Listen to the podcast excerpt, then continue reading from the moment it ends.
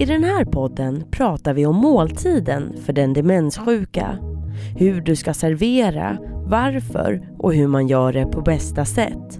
Vilken roll färg och form har och så får vi höra en rad goda exempel. Vi diskuterar med Kerstin Angvik som är demensvårdsutvecklare på Lärcenter i Linköping. Jag heter Madeleine Nilsson. Välkommen till Vakano.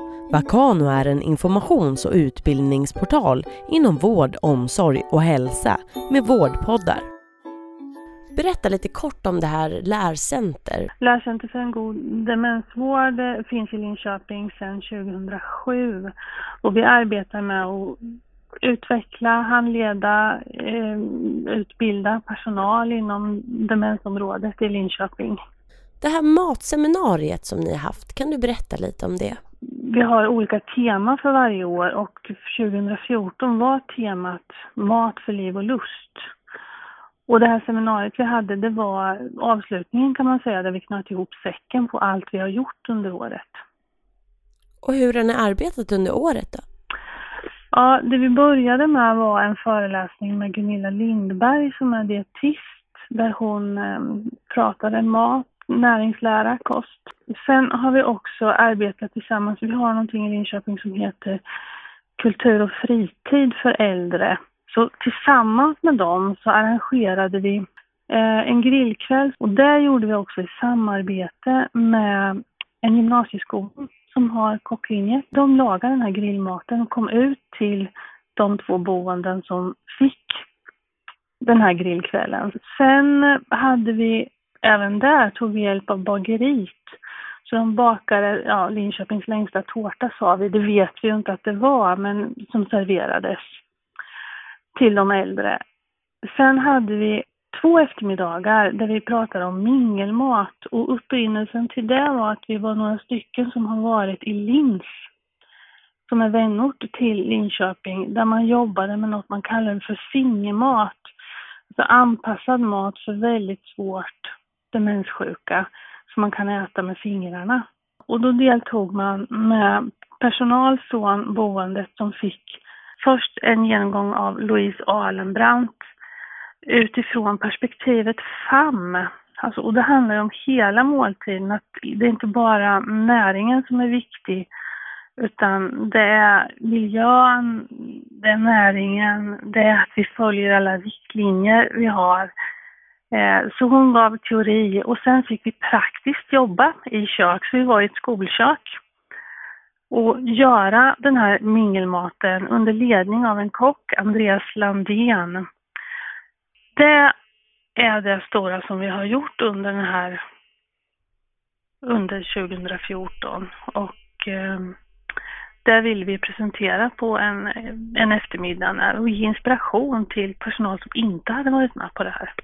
Vad händer med ätandet och matsmältningen när kroppen glömmer?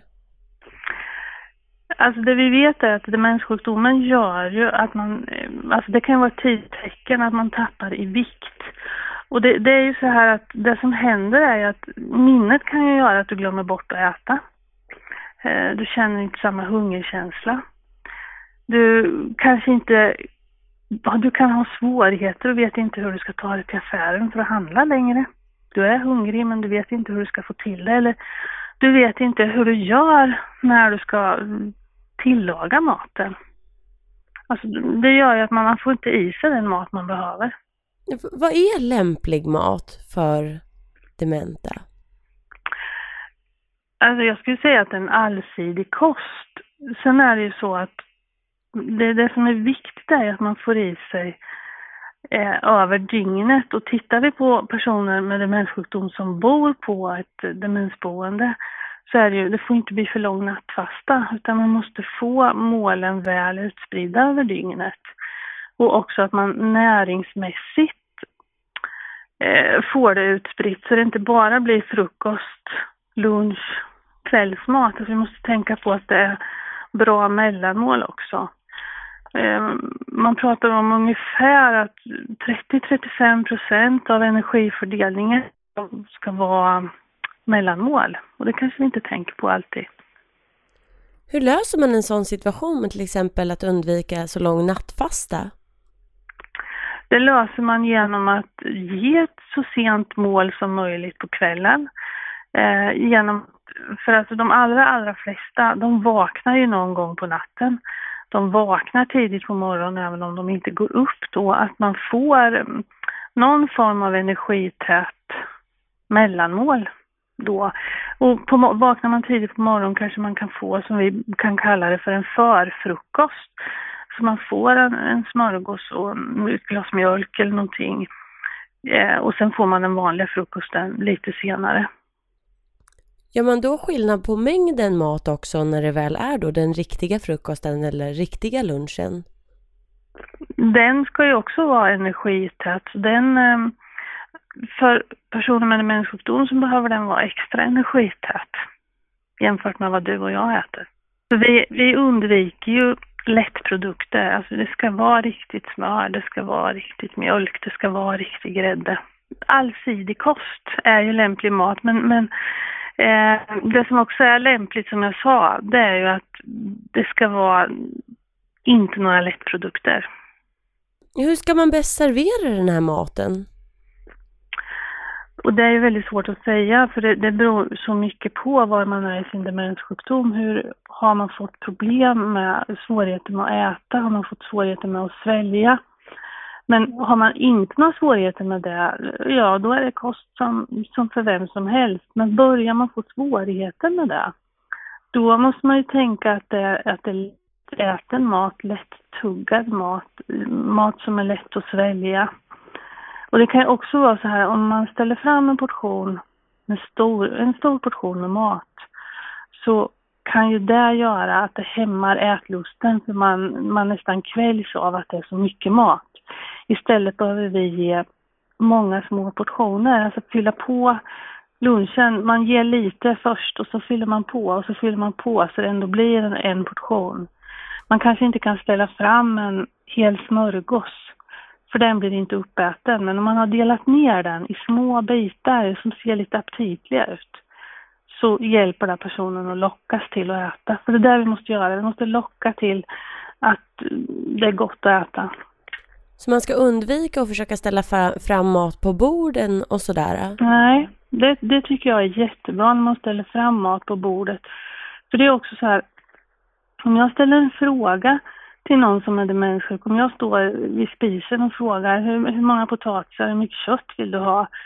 Så kan den här personen inte ens förstå vad, vad är potatis, vad är kött? Och då svarar man nej tack, jag vill inte ha något. Men om man ser det här potatisen och köttet, då kan man ta sig. Eller och har man svårigheter man inte klarar av att ta sig, så kan man ändå eh, säga ja och nej kanske till när vi serverar och lägger upp. Så det, jag tycker absolut, så långt det bara är möjligt ska man servera mat på bordet. Har färg någon roll i det här? Stor roll har det. Eh, om du tänker dig att jag har en eh, svart mugg och så har jag svart kaffe i den här muggen. Då blir kaffet osynligt. Då, då har den personen problem med något som vi kallar för agnosi, alltså svårigheter att känna igen. Och det är inte synen det handlar om då, utan det handlar om att man har svårt att tolka. Hjärnan har svårt att tolka vad den ser. Så genom att använda kontraster.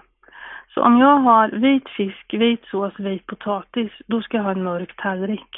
Så jag får den här kontrasten. Och är det tvärtom, att jag har en mörk mat, då ska jag ha en vit tallrik. Är det då också viktigt med till exempel makaroner, att man använder vanliga klassiska makaroner istället för sådana nya moderna påhitt så man känner igen maten? Ja, absolut. Känna igen maten är ju viktigt, men då är det också viktigt vem, vem är den här personen som ska ha den här maten? Är den van vid spaghetti? Är den van vid de här klassiska makaronerna? Är den van, eller är den, den kanske aldrig har ätit pasta och inte gör det nu? Eh, att ha en kunskap om hur det har varit tidigare är viktigt. Sen finns det de som ändrar sig, så man, man ska inte... Eh, man måste också våga prova nytt. För det kan ju vara så att någon tycker jättemycket om pasta nu som aldrig har ätit det förr. Ska man försöka individanpassa maten så långt det är möjligt? Ja, det ska man göra. all, all vård handlar om att vara personcentrerad. Hur påverkar miljön man äter i? Den påverkar också väldigt mycket. En del av miljön är det här när jag pratar om kontraster. Så hjälpa till att tolka och sen behöver det vara en lugn, stressfri miljö. Det, det, ska inte vara så att personal står och skramlar med disk samtidigt som man äter, utan personal ska sitta med eh, och helst äta en pedagogisk måltid för att då är man också en förebild. Är det viktigt att alla äter samma mat? Nej, alltså det viktiga är ju att det passar alla, att det passar var och en, att vi är anpassat på det sättet. Varför är måltiden så viktig? Ja, du får i dig din näring, du, eh, men det är också viktigt socialt. Det kanske är en av de viktigaste aktiviteterna vi har också, för dels får du behålla funktioner. Att du äter själv så länge du bara kan, du tar det själv så länge du bara kan. Men det är också socialt att eh, samspela med andra, prata med andra, få en, en god stund i vardagen. Är måltiden en viktig del i att göra demensen så dräglig som möjlig? Det är viktigt för att skapa en bra dag, för att skapa att man hamnar i ett sammanhang. För det är viktigt i demenssjukdomen, att man hamnar i ett sammanhang. Är det svårt det här, hur man ska göra med måltiderna? Ja, jag skulle säga att det är väldigt kvalificerat arbete för den vårdpersonal som, som finns med. Alltså man behöver satsa mer på, på både kunskap eh, och också kunna anpassa måltiderna bra. Vad, vad kan man se för varningssignaler till en eh, begynnande demens? Jag sa förut, viktnedgång kan ju vara en varningsklocka för begynnande demens. Men annars är det ju, alltså hur är det med minnet? eh, när man börjar få problem med sitt minne. Det är ju en av varningstecknen på demenssjukdom. Eller att man behöver söka läkare för att se, för det man alltid gör är ju att utesluta så det inte är något annat som är behandlingsbart. Eh, börjar man få svårt att hitta, jag hittar inte hem längre. Eh, det är också sådana klassiskt symptom på demenssjukdom. Men så det kan också vara eh, att kunna se om människan inte känner igen maten som står framför en så är det ett tydligt tecken alltså? Alltså det är, fast då har du kommit långt i din sjukdom. När du, när du inte börjar känna igen föremål i din omgivning, då, då är du svårt sjuk. Då har du en diagnos. Är det olika för olika demenssjukdomar hur man ska hantera det här med just måltiden? Ja, det kan man säga, eller olika med olika symptom. Eh, för det kan ju vara så om man har frontala symptom så kan det handla om att man är lite hämningslös. Det kan handla om att man är impulsiv och det gör att miljön behöver se annorlunda ut och det gör också att man behöver tänka till lite extra. Och när jag säger att miljön behöver se lite annorlunda ut så kan det vara så här att du kan inte ha kanske den där vackra blomman på bordet för den personen kanske tolkar det som mat och äter upp blomman istället för maten. Och ligger det ett brödfat med, med bröd som ska räcka till alla som sitter kring kaffebordet så kanske den här personen tar, kan inte se att det är fler som ska ha utan man äter till det slut på fatet. Men kan det då finnas problem med att man äter tillsammans när man har olika demenssjukdomar? Ja, det kan det göra, men där handlar det om att personalen ska anpassa. Alltså, ofta så är det ju så att man inte kan bara ha ett bord på ett demensboende, utan man får ha flera bord och så får man anpassa utifrån vem som, att man sitter vid där, på olika bord beroende på vad man har för svårigheter. Och så personalen som pedagogiskt som är jätteviktigt. Så man ska liksom försöka separera eh, de olika typerna av sjukdom till olika bord då? Ja, alltså jag skulle snarare säga att det är lite utifrån symptom och utifrån vilka personer som passar ihop. Ehm, att det är så man får tänka. Den här fingermaten du nämnde, var, mm. varför är det en, en bra grej att göra? Jo, för att när man blir svårt sjuk och börjar tappa förmågan att äta, för så är det, man tappar förmågan att klara av att hantera kniv och gaffel, så kan det vara också så att man tycker att det är svårt att bli matad. Man vill inte bli matad. Och då ville vi hitta, finns det en annan väg? Kan vi hitta att man ändå klarar av att äta så länge som möjligt själv om vi anpassar maten, alltså gör den tillåtande att äta med fingrarna. Och den idén fick vi ju när vi var i Österrike. Men skulle det vara en bra grej att utveckla att oftare äta sån här fingermat, till exempel till en vanlig middag några, någon gång i veckan eller så? För de som har behov av det, absolut.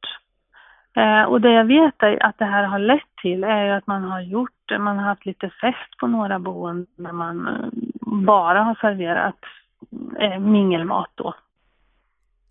Hur, hur ska man då göra på bästa sätt? Vad är dina tips för att eh, skapa den här bra måltiden för dementa? Ja, alltså det, det allra viktigaste, det tror jag är just att personalen är fokuserad på måltiden och, och sitter ner. Eh, att man har maten framme där det går naturligtvis. Eh, ofta går det. Sen finns det undantag när man inte kan ha maten på bordet. Men för att skapa den här lugna, trygga måltidssituationen eh, och där man inte har fokus på annat som att det ska diskas just nu, utan det gör vi sen. Vi har ju också jobbat ihop med miljö och hälsa för att titta på vad man får och inte får göra på boende. Och vad, vad får man och vad får man inte göra? Ja, man får göra väldigt mycket. eh, och det, det dokumentet ligger på hemsidan och det är en sammanfattning med Karl Tengstedt som är livsmedelsinspektör på miljökontoret där vi har rätt ut att man får faktiskt vara med och hjälpa till att skala potatis, man får vara med och hjälpa till att baka och eh, för det har varit mycket diskussioner runt det. Så man ska känna sig lite friare i sitt arbete alltså och låta eh, patienterna vara med? Ja, man kan låta de äldre vara med. Eh, sen måste vi ju naturligtvis, alltså det, det är ju det här med FAM, vi måste ju följa de föreskrifter som finns. Men Förut har, har vi tolkat på vissa ställen att man inte får. Men eh, om man bara använder förkläde, om man bara ser till att den äldre har tvättat händerna ordentligt så, så får man vara med och hjälpa till. Hur kommer ert arbete se ut nu med måltider? Nu avslutar ni det här projektet. Ja, och, eh, nu, nu avslutar vi det här projektet. Men vi har ju ändå med oss de här arbets tanken och vi tar ändå upp det på våra nätverksträffar och frågar lite hur det går runt måltiden. Så att det är ju, det, själva projektet är avslutat. Men eh, det vi vet är att man har ju fått ganska mycket inspiration ute. Finns det någonstans man kan hitta information om det här? Om man lyssnar och känner jag vill lära mig mer och jag vill efterlikna ert arbete? Ja, delar av det kan man hitta på Linköpings hemsida om man söker på lärcenter. Lite inspiration finns det på hemsidan. Men mm. däremot är man välkommen att höra av sig till lärcenter. Mm. Och hur går man tillväga då? Och då kan man gå in på hemsidan, sök på lärcenter, där finns våra telefonnummer och mejladress. Linköping.se i den här podden har vi diskuterat med Kerstin Angvik som är demensvårdsutvecklare hur man på bästa sätt serverar en bra måltid till den demenssjuka. Att färg, form och miljö spelar stor roll och att det är viktigt att personalen är med och sitter ner vid måltiden. Du kan läsa mer om det här på vår hemsida vakano.se och där kan du även lyssna på andra intressanta poddar vakano.se